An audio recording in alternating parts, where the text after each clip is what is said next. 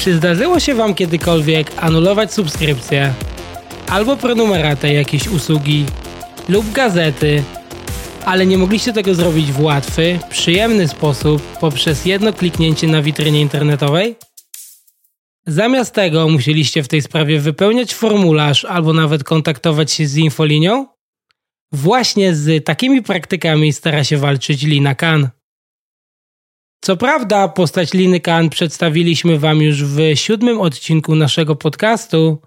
Dla przypomnienia, Lina Khan to 34-letnia komisarz Federalnej Komisji do Spraw Handlu w Stanach Zjednoczonych, znana ze swojej bezkompromisowości w walce o prawa konsumenta. A czy ty miałaś kiedyś problem z anulowaniem jakiejś subskrypcji? Mm, z subskrypcją samą w sobie nie, ale pamiętam taką nieprzyjemną sytuację, kiedy zamawiałam jedzenie na Uber Eats i jakby kurier nie dotarł do moich drzwi pomimo kontaktu. Wcześniej do mnie dzwonił, ja mu mówiłam dokładnie jaki jest adres i w ogóle on twierdził, że już wszystko rozumie, po czym się rozłączył i nie mogłam się już więcej do niego dodzwonić, więc gdy próbowałam się skontaktować z Uber Eats, to nie było to przyjemne ani łatwe, bo nie da się do nich e, zadzwonić w żaden sposób, nie ma jak, jakby żadnego dostępnego numeru, żadnej infolinii, przez którą właśnie można się z nimi skontaktować trzeba było pisać do nich przez Messengera. I tutaj pojawia się problem, kiedy ktoś tego Messengera nie ma. Więc ostatecznie sprawa nie została rozwiązana, a ja straciłam pieniądze i zostałam bez kolacji. To faktycznie bardzo nieładnie ze strony Uber Eatsa. Ja pamiętam, że miałem dwie takie sytuacje.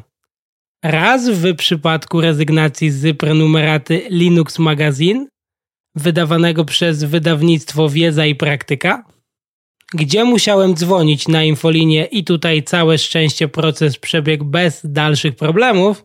Natomiast w drugim przypadku podczas rezygnacji z NBA League Pass musiałem w tej sprawie wypełnić formularz i następnie pracownik kontaktował się ze mną mailowo. I tutaj ciekawostka.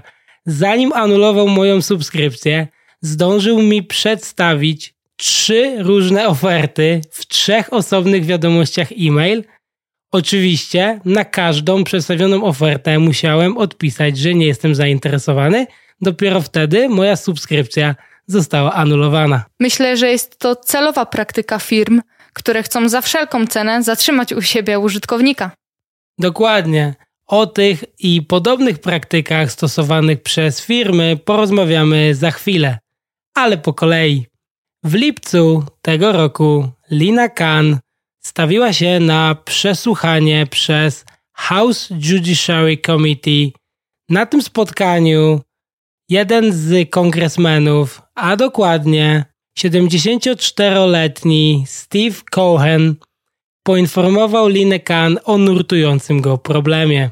Problem miał polegać na tym, że kongresmen nie potrafił anulować pakietu zbiorczego zawierającego Disney, Hulu oraz ESPN, po prostu senator stwierdził, że na co dzień nie ogląda ani Disney, ani ESPN i chciał w pakiecie zachować tylko Hulu. Próbował całą subskrypcję anulować, nie udało mu się i tymi słowami powiedział do Liny Khan, to powinno być proste.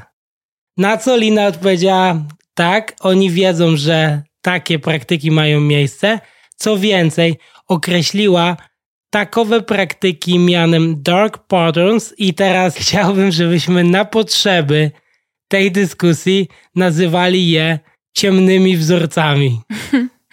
A czym konkretnie jest ciemny wzorzec? Ano, ciemny wzorzec to zasadniczo wszystko, co utrudnia ci wykonanie pożądanego działania, lub nakłania cię do podjęcia określonego działania, którego inaczej byś nie podjął. Taki przykład. Chcemy coś kupić. Wydaje nam się, że znamy cenę, ale jeśli cena, którą widzimy na pierwszej stronie produktu, który chcemy zamówić, różni się od tej finalnej i przedsiębiorca próbuje coś w ten sposób ukryć, to właśnie takowe wzorce będziemy nazywali ciemnymi wzorcami. Myślę, że u nas często ta praktyka objawia się tym, że na przykład gdy zbliża się przysłowiowy Black Friday, bo polski Black Friday wcale nie jest taki korzystny dla konsumentów, to jest często tak, że zawyżają cenę jakiegoś produktu, po czym gdy zbliża się Black Friday, to ją właśnie obniżają, a tak naprawdę po prostu dają jej tą standardową cenę i wtedy chcą oszukać w ten sposób użytkownika, pokazując mu, że słuchaj, tutaj jest teraz super promocja dla ciebie. No i to też nie jest do końca fair. To wcale nie jest fair. Nie no, jak najbardziej. Przyciąganie klientów zwodniczymi sloganami marketingowymi, jak na przykład wyprzedaż magazynów, można również do takich wzorców zaliczyć. Natomiast co innego, gdy widzimy billboard, a co innego, gdy będziemy rozmawiali o takowych wzorcach stosowanych w świecie cyfrowym. Dlaczego?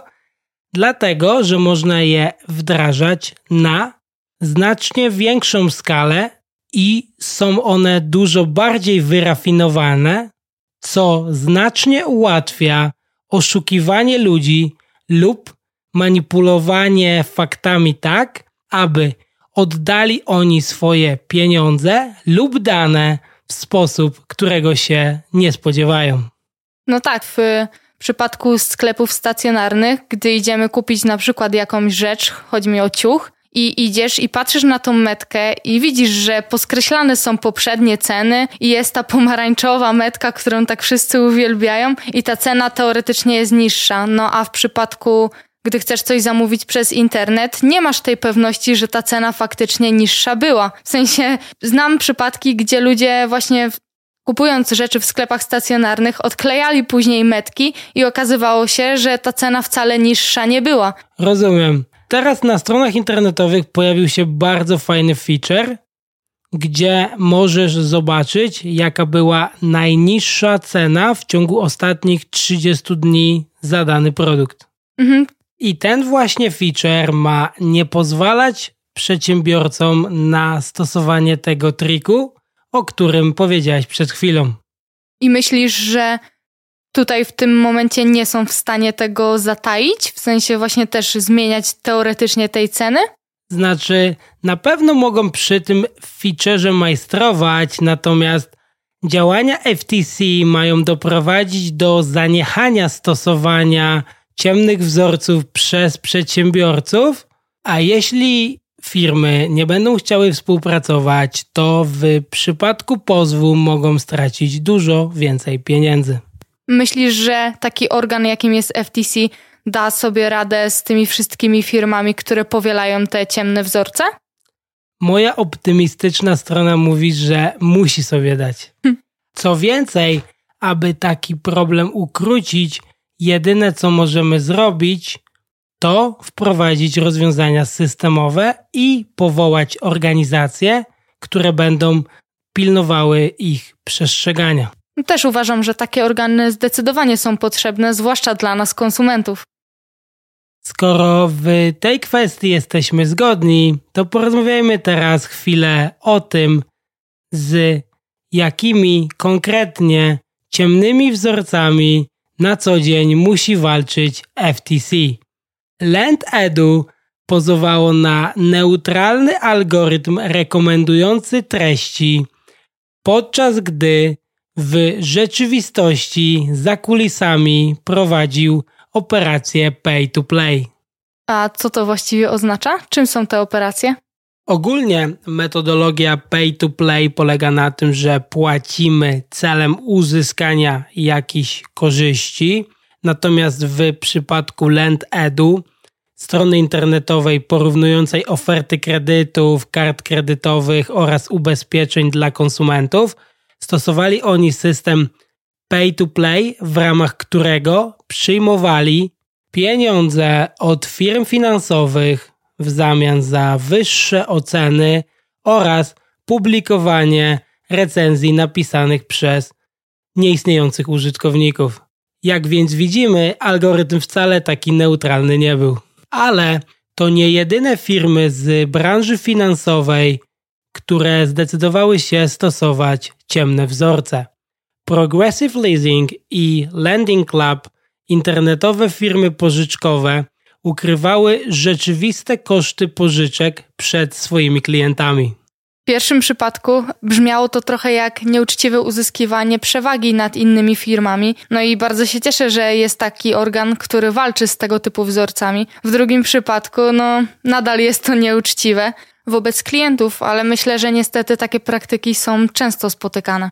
Nie wiem, jak to wygląda w Polsce w przypadku takich właśnie firm pożyczkowych. Natomiast czytałem kiedyś opracowanie, które mówiło, że one również w swojej praktyce stosują ciemne wzorce, więc nie jest to tylko problem firm za oceanem, ale jest to globalny problem na całym świecie. No też mi się tak wydaje, że to nie jest tylko jednostkowa sprawa. Czasami zdarzają się również przypadki, że firmy próbują wykorzystać FTC do swoich własnych celów. Oracle oskarżyło swojego śmiertelnego wroga Google o gromadzenie danych użytkowników poprzez domyślne ustawienia swoich aplikacji. Co prawda, Oracle samo stwierdziło, że nie był to do końca ciemny wzorzec, ale samo zachowanie przypominało trochę ciemny wzorzec. Czyli FTC nie zajmuje się tylko jakby samemu wyszukiwaniem powiedzmy ciemnych wzorców, ale też można do, nie, do nich zgłosić się, tak? Jeśli kogoś podejrzewamy o wykorzystywanie takowych. Tak, jak najbardziej. Natomiast w przypadku konfliktu Google z Oracle, ci drudzy cały czas wyszukują jakichś problemów na Google. Już wcześniej pozwali Google o plagiat, że oni ukradli rzekomo 11 tysięcy linijek kodu z ich flagowego produktu, jakim jest Java. Także FTC musi się mieć na baczności, jak takie skargi rozpatrywać.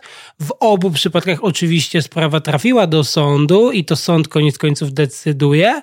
Natomiast rywalizacja pomiędzy tymi dwiema software'owymi firmami pozostaje zacięta. Nie słyszałam nigdy o innych przypadkach, żeby większe firmy tak ze sobą e, konkurowały. Powiedzmy na przykład Musk nie konkuruje tak z e, Zuckerbergiem, oni rozwiązują to w trochę inny sposób. No ale jak widać, skoro można, no to dlaczego z tego nie skorzystać? Z drugiej strony, skoro Oracle tak e, atakuje Google, to czemu Google nie chce się im odwdzięczyć tym samym? Myślisz, że po prostu nie bawi ich ta zabawa? Myślę, że jeśli Oracle w jakikolwiek sposób naruszy jakikolwiek patent, który należy do Google, to Google nie omieszka ich pociągnąć do odpowiedzialności karnej w tym aspekcie. No, jak najbardziej, ma to sens.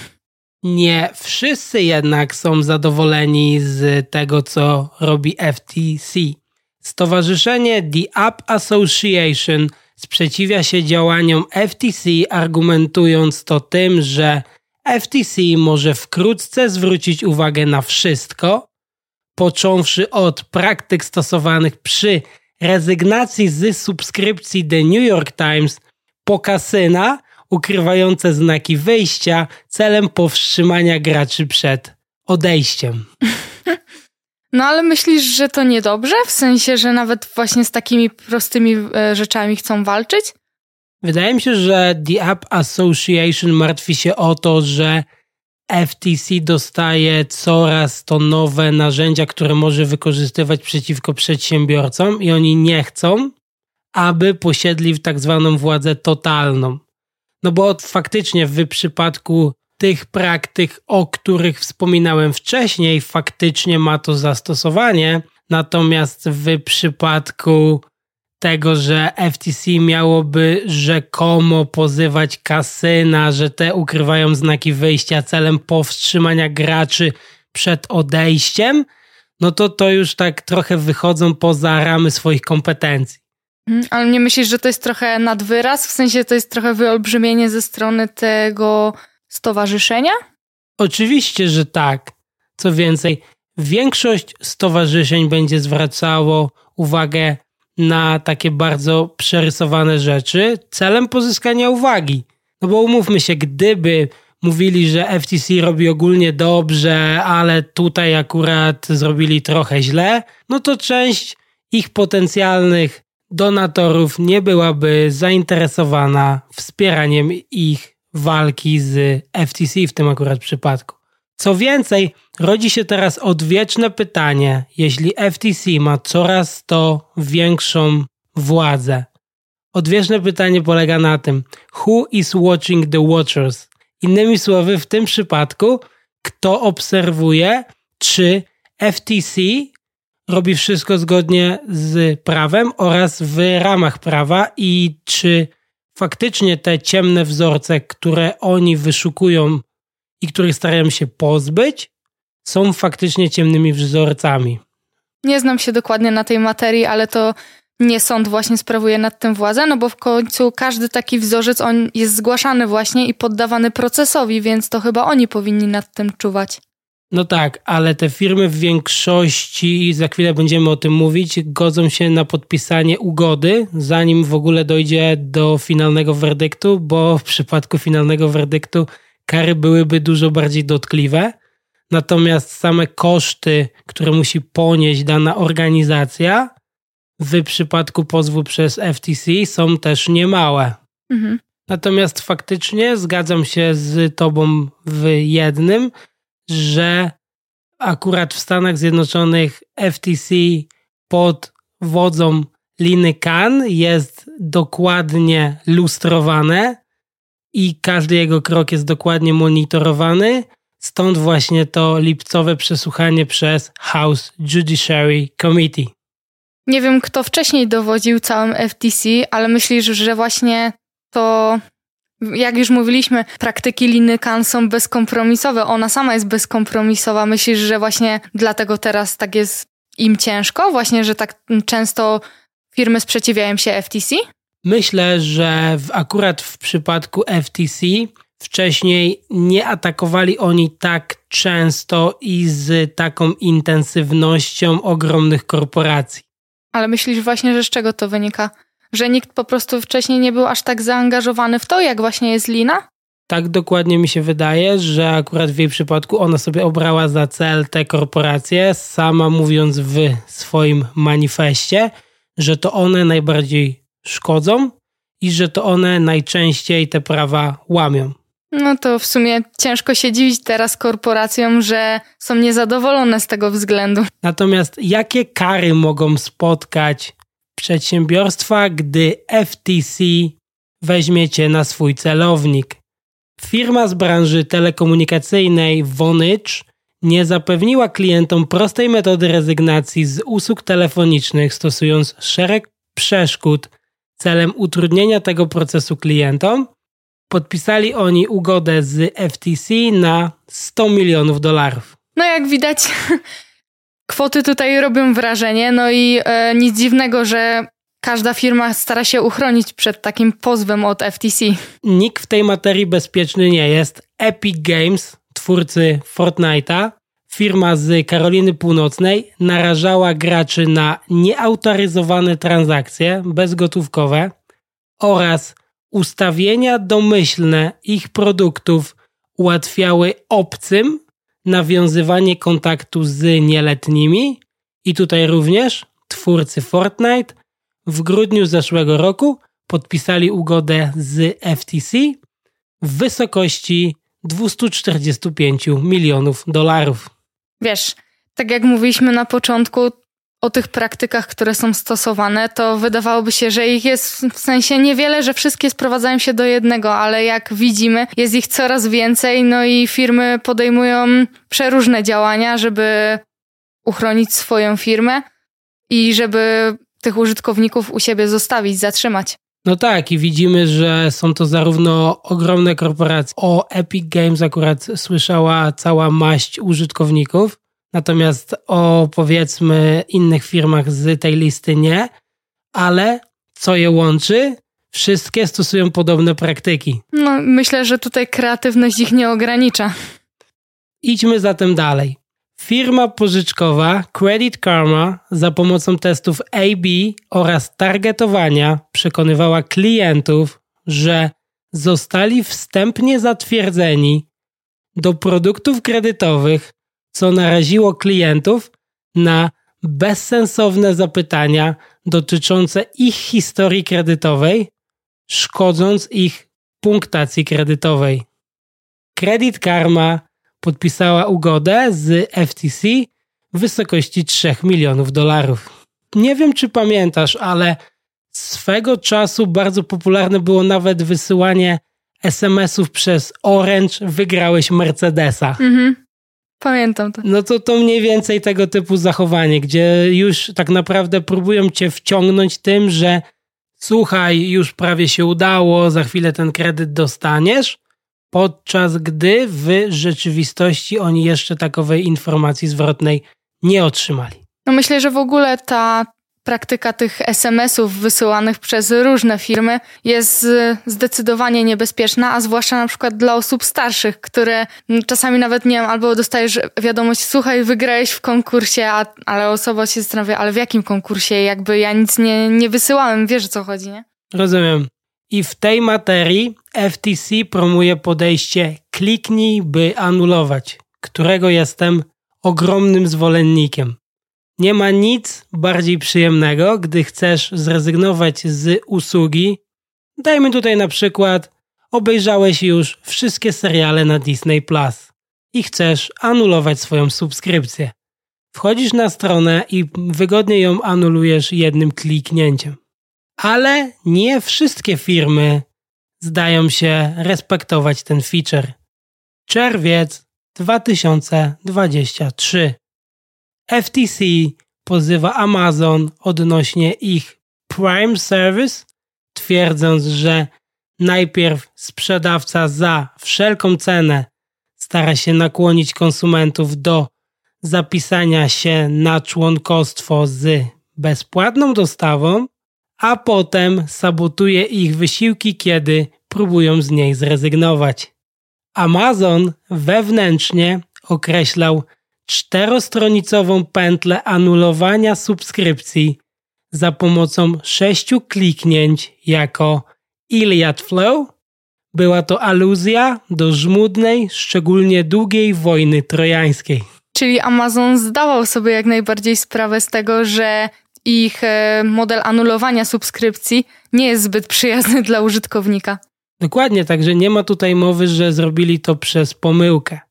Ale dlaczego oni w ogóle decydują się stosować takie praktyki?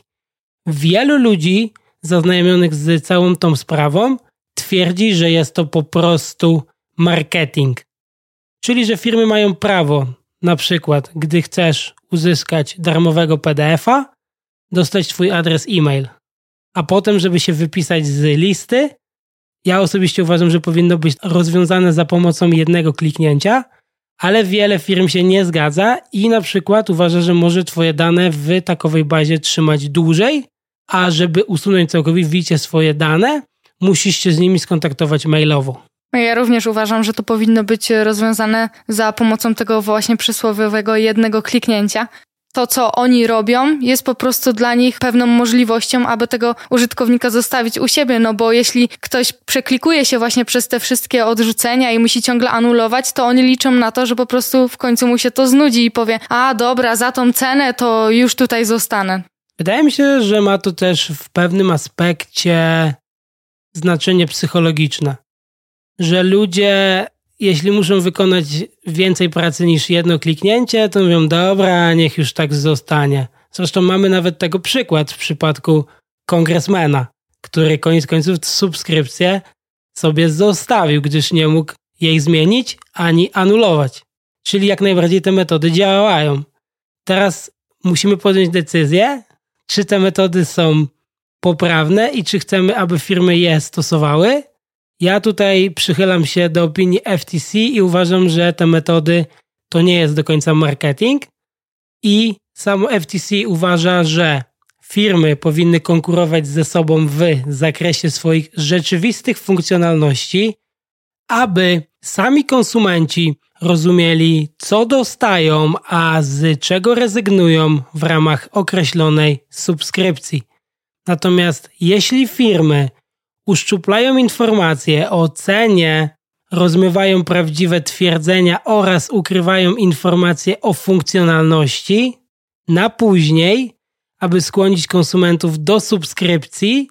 Wtedy nie konkurują przez swoje prawdziwe funkcjonalności, ale konkurują, próbując ukryć to, co tak naprawdę robią. I to jest problem. Hmm. Myślę, że w tym przypadku FTC jak najbardziej spełnia swoją rolę i jest właśnie głosem tej znacznej większości konsumentów i walczy po prostu o ich prawa. Zgadzam się z Tobą jak najbardziej i chciałbym, aby w pewnych aspektach poszło to nawet o krok dalej.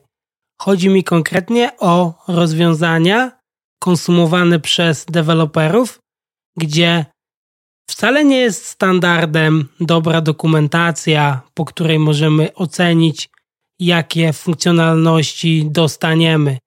Cały czas próbują wcisnąć nam produkty sloganami marketingowymi typu plug and play, czyli to rozwiązanie rozwiąże pracę za ciebie, co prawie nigdy nie jest prawdą. Dlatego uważam, że powinno to iść o krok dalej i wymogiem przez na przykład FTC powinno być to, żeby firmy zapewniały dokumentację produktu dla deweloperów, aby łatwiej im się z takowych rozwiązań korzystało. No myślę, że przed FTC jeszcze bardzo długa droga, no bo jak dotąd nie zdążyli się uporać z tymi ciemnymi wzorcami, które już istnieją, a wraz z rozwojem technologii tych wzorców, jak widzimy, będzie tylko przybywać.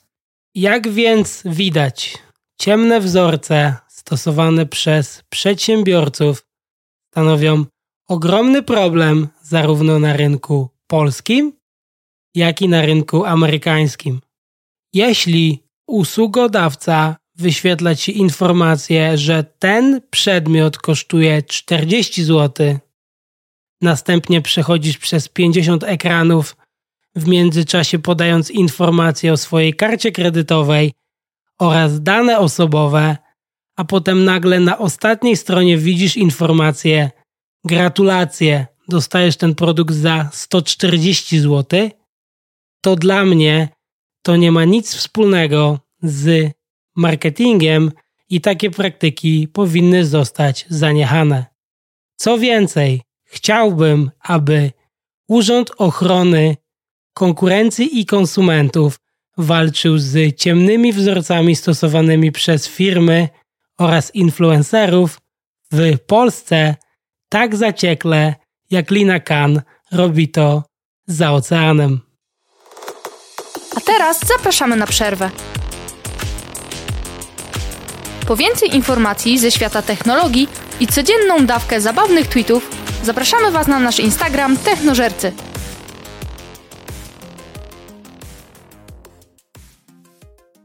W zeszłym tygodniu rozmawialiśmy o tym, jak Elon Musk zmienił nazwę Twittera na X, a w tym porozmawiamy o technologii oferowanej przez inną firmę Elona, oczywiście z X w nazwie, mianowicie o SpaceX, a dokładnie o Starlinku.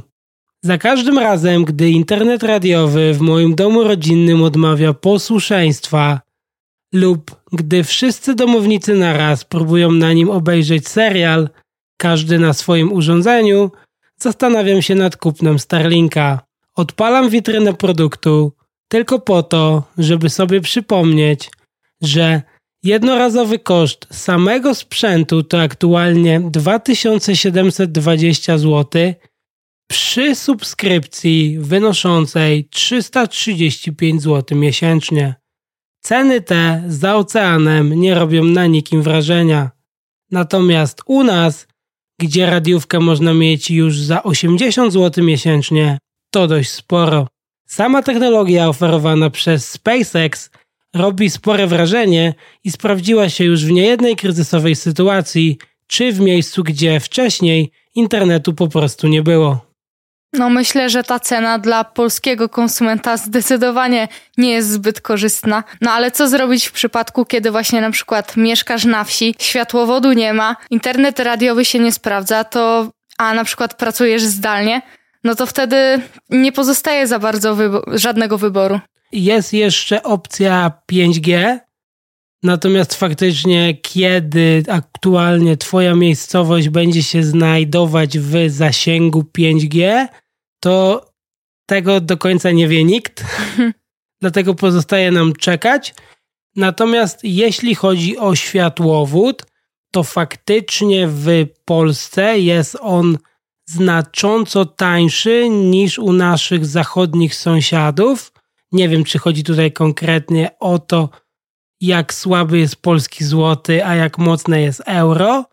Natomiast jeśli już jesteśmy w jego zasięgu, to cena za usługę nie jest wygórowana. No, ale pod warunkiem właśnie, że ten światłowód gdzieś jest, no bo w przypadku na przykład dużych miast, a zwłaszcza im bliżej centrum, tym jest większe prawdopodobieństwo, że ten światłowód gdzieś będzie. No i tak samo na wsiach istnieją e, też programy, które ten światłowód e, jakby oferują i w sensie, no ale nie we wszystkich e, miejscowościach tak jest. Na przykład jeśli wioska jest naprawdę bardzo mała, no to wtedy ani, ani światłowodu, jeszcze jeśli dookoła ograniczają ją drzewa, no to w ogóle już mamy ciężką sytuację.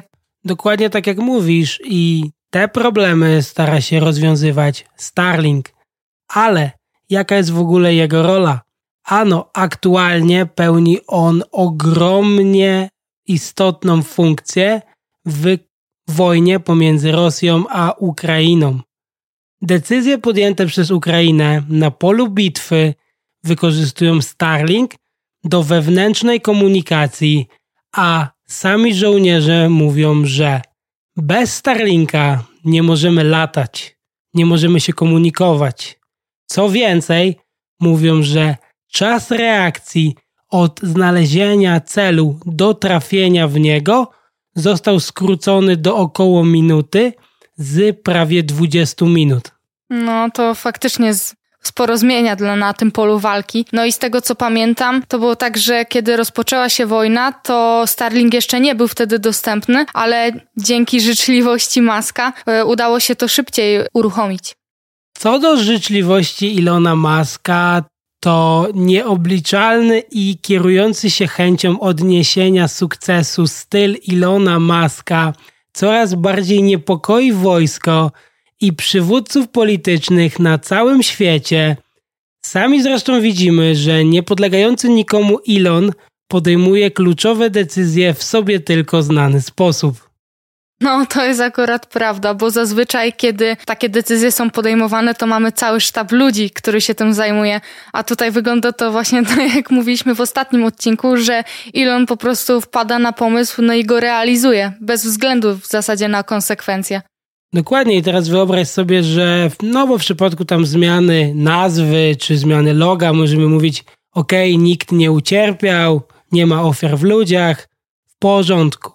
Natomiast widzimy jaką przewagę w kwestii komunikacji i łączności daje Starlink ukraińskim wojskom i gdyby aktualnie Elon Musk chciał coś w tej materii zmienić, to on to może zmienić, a z tym problemem zostają ukraińskie wojska. No tak, no i widzimy, że Elon Musk początkowo zaczynał jakby od e, powiedzmy branży technologicznej, a przechodzi do coraz większej ilości dziedzin życia. No i tutaj pojawia się pytanie, czy tak powinno być. To a propos jeszcze tego całego monopolu, o którym cały czas mówimy.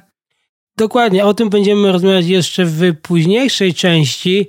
Natomiast teraz porozmawiamy trochę o zaletach Starlinka. Jego satelity orbitują na znacznie niższych wysokościach niż te oferowane przez tradycyjne usługi internetu satelitarnego. W rezultacie obszar, który obejmuje każdy satelita Starlink, jest mniejszy, co wymaga od terminali naziemnych ciągłego łączenia się z najbliższym przelatującym satelitą, ale za to prędkości są większe.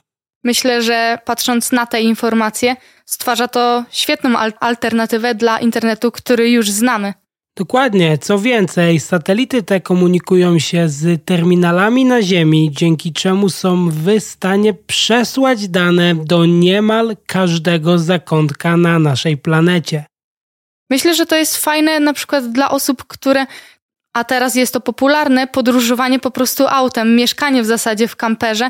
W Polsce może jeszcze nie tak e, jakoś super popularne, no bo pogodę mamy taką, jaką mamy i klimat, ale e, w Stanach Zjednoczonych na pewno to znajduje swoje zastosowanie, no bo ani światłowodu, ani internetu radiowego raczej nie podłączysz do mm, pojazdu po prostu. No tak, ale aktualnie ze Starlinkiem nie do końca możesz podróżować, Mhm. bo w momencie, w którym go zakupisz, musisz mu podać, w jakim miejscu go użytkujesz. Oni dopiero pracują nad wprowadzeniem funkcjonalności, żebyś mógł w locie zmieniać, skąd ten Starlink ma działać, żeby nie oddziaływał na ciebie tak zwany geofencing, czyli żeby oni wiedzieli, czy jesteś w obszarze, w którym oni świadczą usługę, czy takowej usługi nie świadczą. Okej, no ale to tak czy inaczej jest to bliższe temu, żeby móc korzystać z internetu w podróży ciągłej, niż e, ze światłowodu czy z internetu radiowego, którym w zasadzie ta opcja w ogóle nie istnieje. Nie, no jasne, ale żeby zrealizować to marzenie, będą potrzebowali ogromnej infrastruktury, która obecnie składa się z 4,5 tysiąca satelitów, co stanowi ponad 50% wszystkich aktywnych satelitów ziemskich. A co więcej, SpaceX planuje w najbliższych latach zwiększenie tej liczby do 42 tysięcy. Tutaj pojawia się ciekawy problem, gdyż aktualna ilość satelitów już teraz zmienia wygląd nocnego nieba. Co więcej, będziemy mówić o tym w późniejszej części. Amazon planuje swój własny projekt.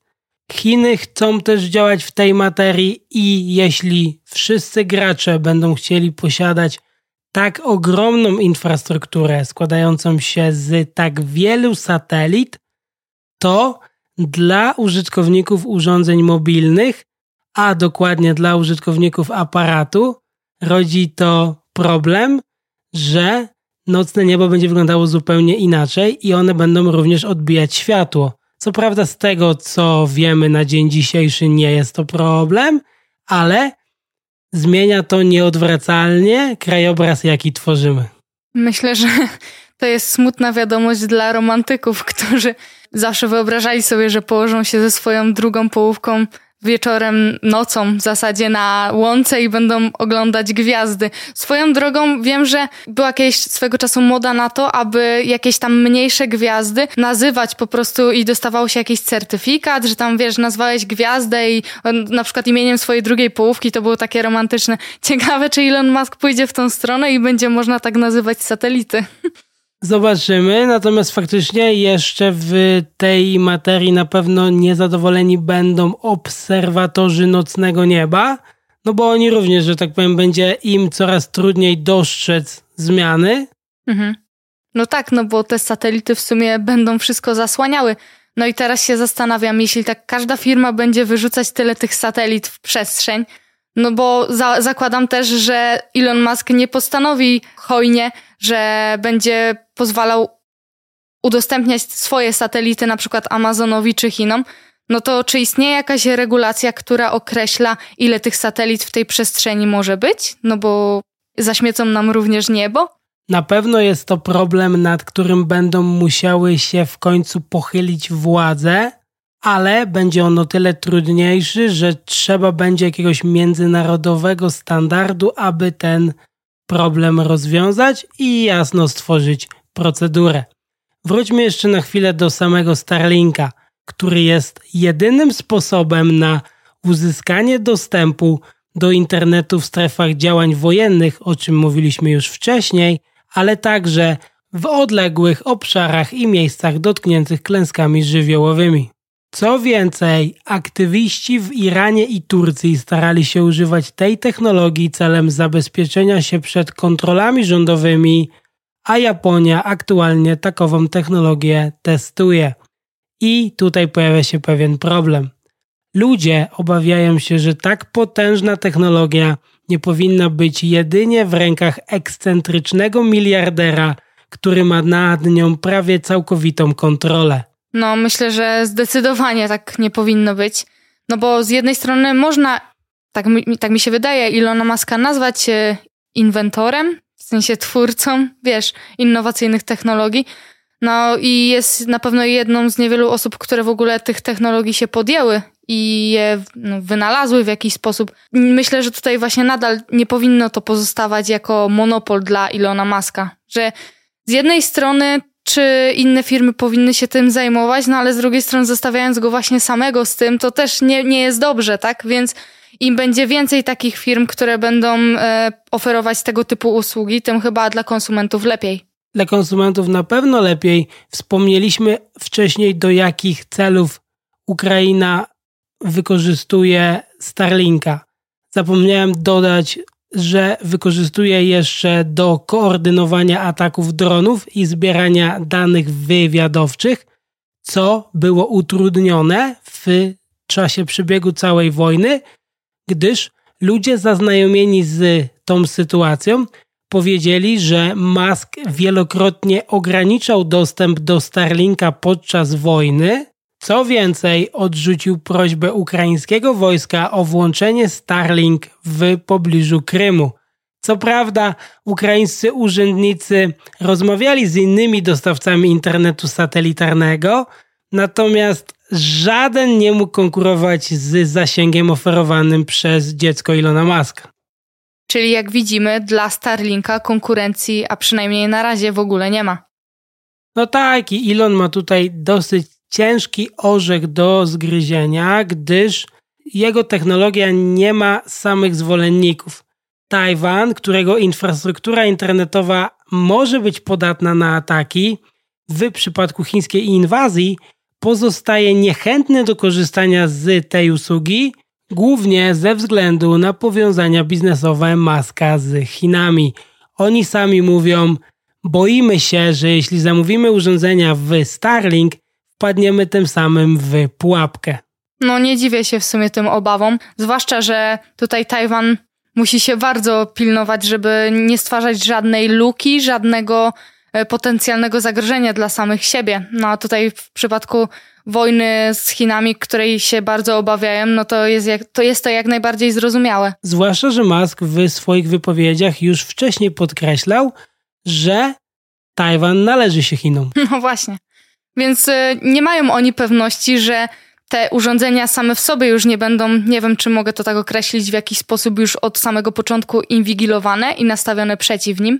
No tak, i w tej materii Tajwan nie jest odosobniony, bo kiedy w zeszłym roku w Iranie wybuchły antyrządowe protesty, Musk udostępnił tam Starlink, aby pomóc działaczom pozostać online, natomiast irański rząd oskarżył tym samym SpaceX o naruszenie jego suwerenności. No i tutaj znowu dochodzimy do tego, że tak naprawdę jesteśmy uzależnieni od tego, jakie poglądy wyznaje Elon Musk. No tak, ale tak jak wspomnieliśmy już wcześniej, jego poglądy nie muszą być w tej kwestii nieomylne. I dobrze by było, żeby taka technologia była wolna, to znaczy, żeby ludzie mieli do niej dostęp, ale jak chcą jej używać, było określone przez każdy kraj z osobna. No jak najbardziej się z tym zgadzam. Na domiar złego, Iran to nie jedyny kraj, który nie był zadowolony z pomocy Ilona Maska. Turcja odrzuciła jego ofertę dotyczącą zapewnienia dostępu do Starlinka po wielkim trzęsieniu ziemi. Rząd obawiał się, że Starlink nie jest pod jego kontrolą i może stanowić zagrożenie. Natomiast opozycjoniści rządu mówili, że Turcja nie zdecydowała się na przyjęcie Starlinka tylko po to, aby nie wyciekło, jakie ogromne skutki niosło za sobą to trzęsienie ziemi, czyli żeby świat się o tym nie dowiedział, żeby oni mogli dalej w spokoju prowadzić swoją politykę wewnętrzną. Hm. No tak, ale myślę, że wiele krajów będzie podchodzić sceptycznie do produktu Ilona Maska i wcale Starlink tak nie zawładnie na skalę globalną właśnie. Warto też wspomnieć, że nie wszystkie kraje odrzucają technologię Starlinka i według informacji dostępnych na stronie internetowej w Afryce, gdzie dostęp do internetu pozostaje w tyle, Starlink jest dostępny w Nigerii, Mozambiku i Rwandzie, a do końca 2024 roku ma być dostępny jeszcze w kilkunastu innych krajach. Myślę, że jest to pozytywna wiadomość, że Starlink również pomaga niwelować tą barierę dostępu do podstawowych usług, ale to też podkreśla, jaką ogromną przewagę może dawać określonym krajom. Myślę, że w przypadku Afryki zdecydowanie stwarza to ogromne możliwości dla ludzi, którzy tam żyją. No na pewno, dlatego że firmy będą mogły w końcu tam zainwestować. Co prawda, hmm, to jest akurat ciekawe pytanie. Czy firmy będą chciały tam inwestować, wiedząc, że jedynym dostępem do internetu będzie Starlink? I koniec końców myślę, że aby uzyskać odpowiedź na to pytanie, będziemy musieli jeszcze trochę poczekać. Natomiast jestem niezmiernie zadowolony z faktu, że w Afryce może się już rozpocząć proces dostępu do podstawowych usług oraz być może przyczynić się do zwiększenia liczby miejsc pracy na tym kontynencie. Natomiast faktycznie, jeśli w Polsce ceny nie są obiecujące, to pytanie, czy przeciętnego obywatela tych państw będzie stać na zakupienie takowej technologii, czy będzie to technologia dostępna tylko dla najbogatszych oraz dla samego rządu. No więc właśnie, to na pewno daje jakiś początek, ale też mnie to zastanawiało, no bo wątpię, bardzo przepraszam, ale wątpię, żeby Elon Musk robił to charytatywnie. Więc y, jaka będzie cena i czy ktoś w ogóle będzie mógł sobie na to pozwolić?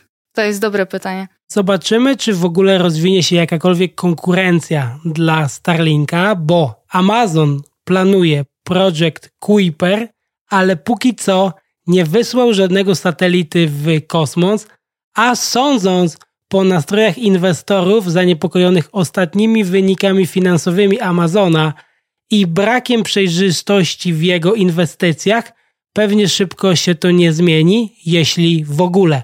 Amazon oprócz projekt Kuiper inwestuje aktualnie jeszcze w sklepy ze zdrową żywnością w Stanach Zjednoczonych, więc on trochę tych inwestycji ma. I teraz pytanie, czy faktycznie uda mu się ten projekt pchnąć do przodu?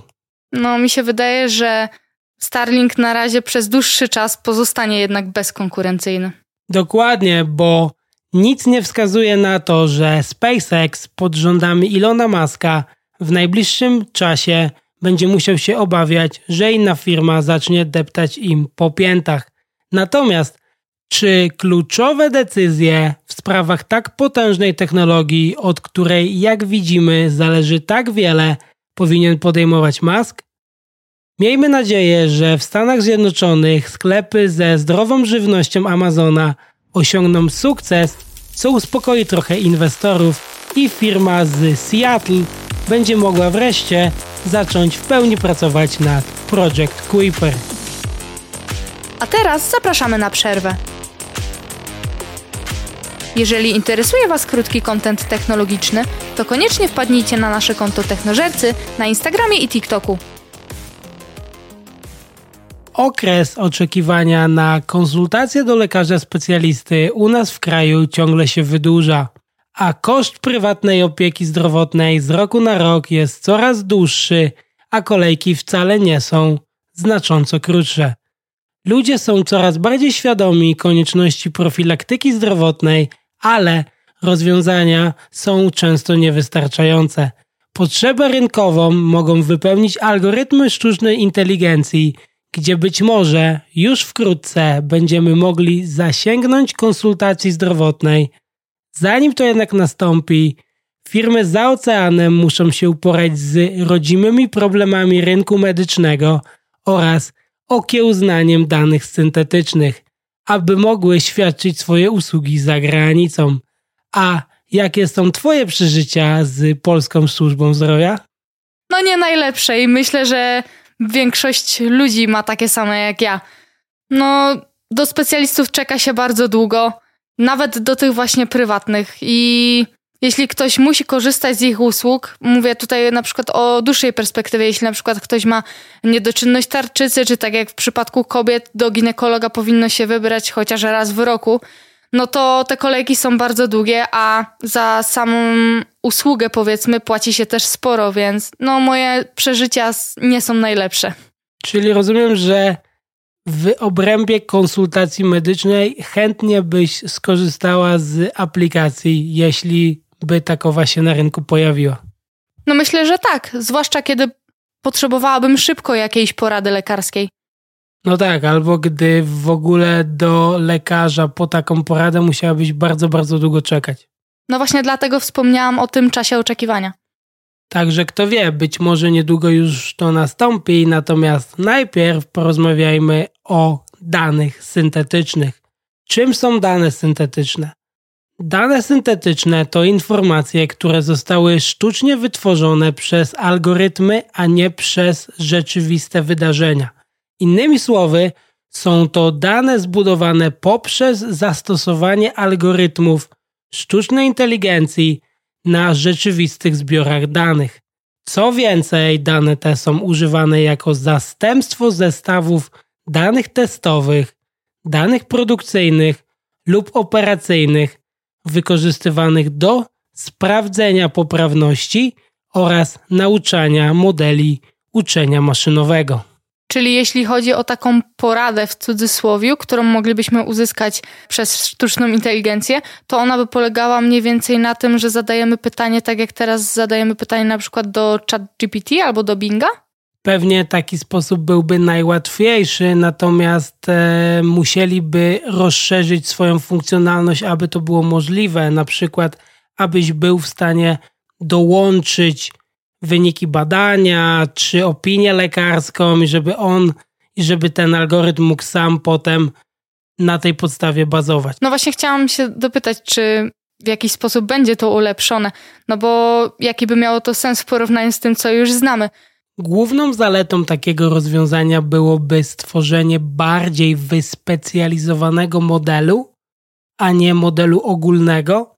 Natomiast czy dojdzie do tego szybko, zobaczymy, gdyż wyzwania technologiczne nadal ograniczają szerokie zastosowanie tych danych w branży, a wiele firm wstrzymuje się z ich zastosowaniem, bo o tyle o ile w niektórych obszarach wytworzone dane poczyniły postępy, przykład obrazy do szkolenia samojezdnych pojazdów, to w medycynie i farmacji, gdzie dane syntetyczne mogą być szczególnie przydatne w generowaniu dokumentacji medycznej, adopcja pozostaje niewielka. Odpowiedzialny jest za to wysoki koszt technologii i niewielka liczba dostawców takowych usług, Natomiast znacznie większym problemem według firm medycznych jest zapewnienie, że dane syntetyczne dokładnie reprezentują populację docelową, innymi słowy, że są jak najbardziej zbliżone do rzeczywistych danych. Według Jima Swansona, CEO w Johnson Johnson, w medycynie oraz opiece zdrowotnej jest to naprawdę trudny problem do rozwiązania ze względu na złożoność i ciągłą zmienność danych. Jednym z obszarów, który już teraz wydaje się być obiecujący według Swansona, jest analiza długoterminowego wpływu i skuteczności leków już dostępnych na rynku. Obecnie firma robi to z zanonimizowanymi danymi pacjentów, czyli danymi, z których usunięto lub zmieniono identyfikatory pacjenta, ale które można powiązać z tą osobą za pomocą innych szczegółów, zanonimizowane dane w teorii usuwają wszystkie informacje umożliwiające identyfikację jednostki. Tak jak mówisz, w teorii. Ciekawe, jak to wygląda naprawdę. Naprawdę wygląda to tak, że z jednej strony chcemy stworzyć jak najbardziej dokładny model, a z drugiej strony chcemy, żeby jak najmniej informacji o pacjentach z takowego modelu wyciekło. No jest to zrozumiałe. No i teraz ciężkie zadanie przed sektorem, sektorem medycznym, bo będą musieli się starać, aby po pierwsze te dane nie wyciekły, a po drugie porady, których będzie udzielał model, aby w żaden sposób nie zaszkodziły pacjentowi.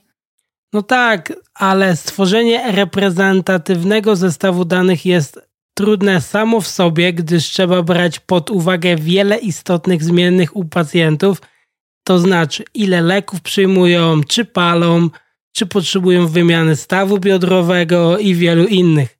Co więcej, te zmienne mogą się zmieniać wraz z pojawianiem się nowych odkryć naukowych oraz możliwości leczenia. Tak więc są to ogromne problemy same w sobie, a do tego musimy dołożyć prywatność pacjentów i tak jak mówisz, żeby nikomu w korzystaniu z takich danych nie stała się później krzywda. No dokładnie, ale myślisz, że w Polsce w ogóle coś takiego przejdzie? W sensie chodzi ci o to, czy w ogóle w Polsce nasze rodzime firmy będą pracowały nad wynalezieniem takiego rozwiązania. Mhm, dokładnie. Obawiam się, że nie. Ja wiem, że część z naszych słuchaczy pewnie się zastanawia, czemu ciągle ta Ameryka i Ameryka. Natomiast The Information wypuścił w zeszłym tygodniu listę 30 najbardziej wpływowych CEO oraz firm, w której, jak sami wspomnieli, straszliwie namieszał rozwój sztucznej inteligencji. Natomiast wszystkie startupy, które się na tą listę dostały, pochodziły ze Stanów Zjednoczonych. No, szczerze mówiąc, wcale mnie to nie dziwi, bo w sumie nie słyszałam, żeby startupy czy w ogóle ludzie z innych krajów tak e, interesowali się AI i rozwijali je.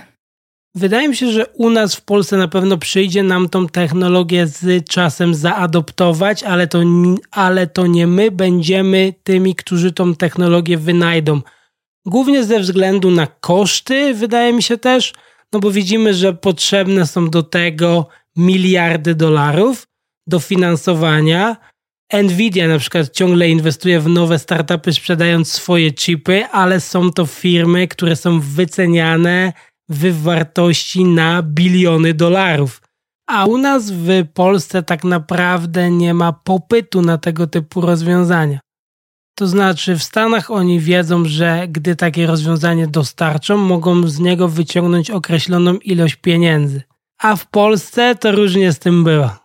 No ale myślę, tak jak widzimy, że to nie tylko Polska nie inwestuje za bardzo w AI. Ogólnie większość krajów, jakby właśnie wszystko skupia się tylko wokół Ameryki, głównie. Zgadzam się, natomiast na naszych barkach będzie spoczywała adaptacja takowej technologii, tak aby ją dopasować jak najbardziej do polskiego konsumenta. Co przez to rozumiem? My nie wynajdziemy tej technologii, ale my będziemy musieli ją zaadoptować. Już teraz fajnie jest obserwować to, co się dzieje u naszych kolegów za oceanem, żeby potem wiedzieć, na co zwrócić uwagę, gdy takowa technologia pojawi się w Polsce, czyli innymi słowy, gdy jakikolwiek startup bądź Google zaoferuje usługę, która będzie takowy problem rozwiązywała. I jakich problemów można uniknąć właśnie dzięki tej obserwacji. No ale właśnie, czy teraz Polska już nie mogłaby się zająć tworzeniem takich baz danych, które mogłyby potem posłużyć w tym celu? Jeśli modele są jeszcze nie gotowe, to samo tworzenie bazy danych niewiele akurat w tym przypadku zmieni. Myślałam, że może to w jakiś sposób przyspieszyć późniejszą właśnie adaptację. Obawiam się, że nie. Ale wróćmy jeszcze do danych syntetycznych. Podczas procesu tworzenia danych syntetycznych musimy osiągnąć kompromis pomiędzy dokładnością modelu, a tak jak sama wspominałaś, prywatnością pacjentów. A to dlatego, że zazwyczaj dane syntetyczne są tworzone poprzez przepuszczanie rzeczywistych danych przez algorytm, który wytwarza na ich podstawie podobne, ale nie identyczne dane. Im dane syntetyczne są bliższe oryginalnym danym źródłowym, tym są dokładniejsze, ale istnieje również większe prawdopodobieństwo wycieku danych rzeczywistych. Ponadto nie jest jasne, jak dokładnie dane syntetyczne muszą być podobne do danych źródłowych, aby spełniały przepisy HIPAA. I teraz co to jest HIPAA? Health Insurance Portability and Accountability Act to nic innego jak ustawa skupiająca się na ochronie danych Electronically Protected Health Information, czyli elektronicznie chronionych informacji dotyczących zdrowia, których musi przestrzegać każda amerykańska placówka zdrowotna. Czyli tym samym dorównania, które już i tak jest skomplikowane, dochodzi nam jeszcze fakt, że takowe dane muszą spełniać regulacje medyczne obowiązujące w danym kraju. No i dla pacjentów to jest na pewno bardzo ważne, żeby ta ich prywatność nie ucierpiała, ale jak to połączyć? W sensie, żeby i ten produkt dobrze działał i żeby właśnie te dane były bezpieczne. To jest cały czas przejawiające się pytanie tutaj jakby. Jak najbardziej, dlatego firmy będą musiały wypracować jakąkolwiek metodologię, która będzie albo szła w stronę, że model jest bardziej dokładny i ponosiła ryzyko wycieknięcia danych, albo będą modele bardziej prywatne, ale przez to mniej efektywne. Ale rozumiem, że jak na tą chwilę nie ma ni niczego takiego, niczego takiego nie znaleziono. Jeśli pytasz o uniwersalne rozwiązanie, które jest zarówno tak samo efektywne jak prywatne, to odpowiedź brzmi nie. Mhm. A co więcej, same placówki medyczne skupiają się raczej na trochę innych rzeczach.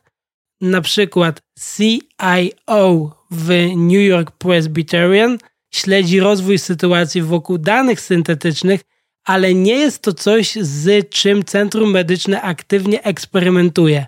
Zamiast tego woli poświęcić czas na zapewnieniu, że w placówce istnieją wystarczająco silne systemy bezpieczeństwa cybernetycznego oraz prywatności w miejscach, które już teraz wykorzystują rzeczywiste dane pacjentów. Brzmi to jak całkiem dobry pomysł. Natomiast oni sami chcą, aby dane pacjentów, te wytworzone syntetycznie, na przykład przy tworzeniu algorytmu niewydolności akcji serca, były jak najbardziej reprezentatywne dla właściwych odbiorców tej technologii, czyli rzeczywistych pacjentów. Czyli oni sami tym samym nadają trochę już kierunek naszej dyskusji, mówiąc, że bardziej ich interesuje efektywność tych danych. No tak, ale tutaj, jeśli dobrze zrozumiałam, to do końca też sami w tworzeniu tych danych uczestniczyć nie chcą. W sensie, no bo pewnie obawiają się jakichś pozwów, gdyby te dane wyciekły. Oni sami na pewno w tym procesie uczestniczą, natomiast nie chcą adaptować tej technologii od zera.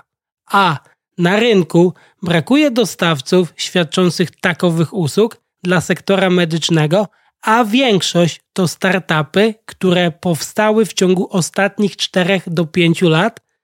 Być może ulegnie to zmianie, gdy popyt na takowe rozwiązania się zwiększy, ale widzimy, że są to raczej raczkujące firmy i nie są to rozwiązania na tyle dojrzałe, aby placówki medyczne chciały je zaadaptować na masową skalę, przez co, jak wspomniałem już wcześniej, placówki aktualnie z tymi danymi tylko eksperymentują.